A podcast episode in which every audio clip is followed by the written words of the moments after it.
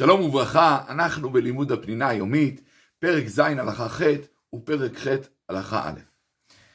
וקודם כל נעסוק בדיני מלווה מלכה. כיוון שסעודת מלווה מלכה נועדה להמשיך את קדושת השבת לימי החול, צריך להשוות אותה במידה מסוימת לסעודות השבת. כלומר, שיהיה מפה נאה, כלים נאים, נהוג וראוי להמשיך ללבוש את בגדי השבת, גם גברים וגם נשים מחויבים בסעודה. כמו כן, קובעים את הסעודה על הלחם, לכתחילה צריך לאכול כזית פת. וכמובן להוסיף לזה עוד מאכלים טובים. ואם הוא מרגיש שהוא לא רוצה לאכול פת, יכול לקיים את זה במזונות או במאכל מבושל, לכל הפחות בפירות, כמו שלמדנו לגבי סעודה שלישית. מישהו עני, אה, אין לו כסף, יותר חשובות שלוש סעודות של שבת. וסעודת מלווה מלכה יקיים בכזית פת. לכתחילה צריך אה, לאכול את הסעודה כדי ללוות את השבת, סמוך לצאת השבת.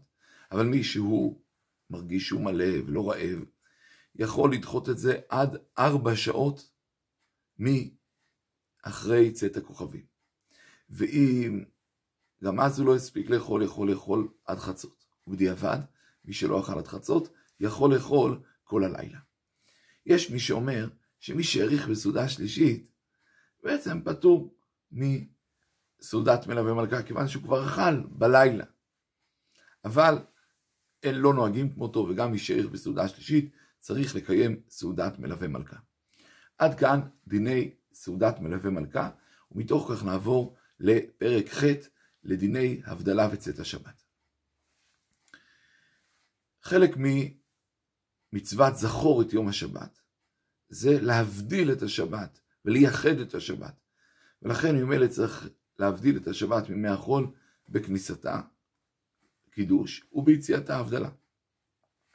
לדעת הרבה מאוד פוסקים, אה, היסוד ההבדלה הוא דאורייתא, כי באמת צריך לציין את השבת בכניסתה וביציאתה, וכך פסק הרמב"ם.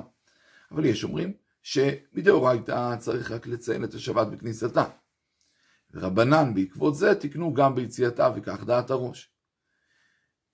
בהתחלה חז"ל תיקנו שכמו הקידוש, ככה הבדלה, צריך לעשות את ההבדלה על הכוס היין. אבל אחרי שעם ישראל נהיה עני יותר, אמרו טוב, לא צריך על כוס היין, אפשר בתפילה. מה שאנחנו אומרים באתה חונן, כן, אתה חוננתנו.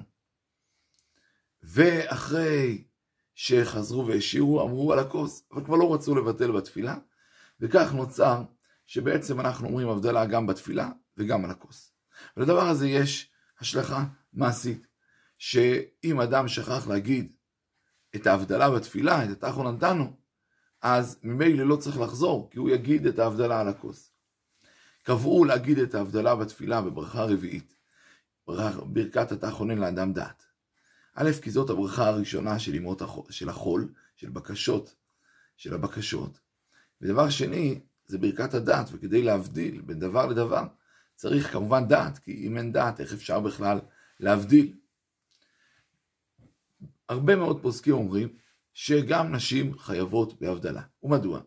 מכיוון שכמו שכבר למדנו, כיוון שזכור ושמור בדיבור אחד נאמרו, ונשים חייבות בשמור, שזה לא תעשה, ממילא חייבות גם בזכור, כמו שראינו שכל הפוסקים אומרים שנשים חייבות בקידוש היום מהתורה. ממילא כיוון שהבדלה, בין אם זה מדאורייתא, בין אם זה מדרבנן, זה המשך של הקידוש, חייבות גם הנשים. יש מי שאומר שלא, שזה מצוות עשה שהזמן גרמה, אפילו מדרבנן, ונשים לא חייבות, נשים פטורות. ונהגו אנשים לחשוש לדעתו, ולכן כאשר יש גברים ונשים, גבר עושה את ההבדלה והאישה יוצאת בשמיעה. אבל כאשר אין גבר, אז ברור שאין שאלה, כי בין אם נשים חייבות או פטורות, בכל מקרה אישה יכולה לעשות ולהוציא את עצמה ונשים נוספות, ולכן אישה תעשה. ויותר מזה, אם גבר כבר יצא ידי חובה והאישה לא יצאה, אז שהאישה תעשה. ורק אם היא לא יודעת, רק אז תבקש מהגבר שיעשה לה הבדלה. שלום, שלום.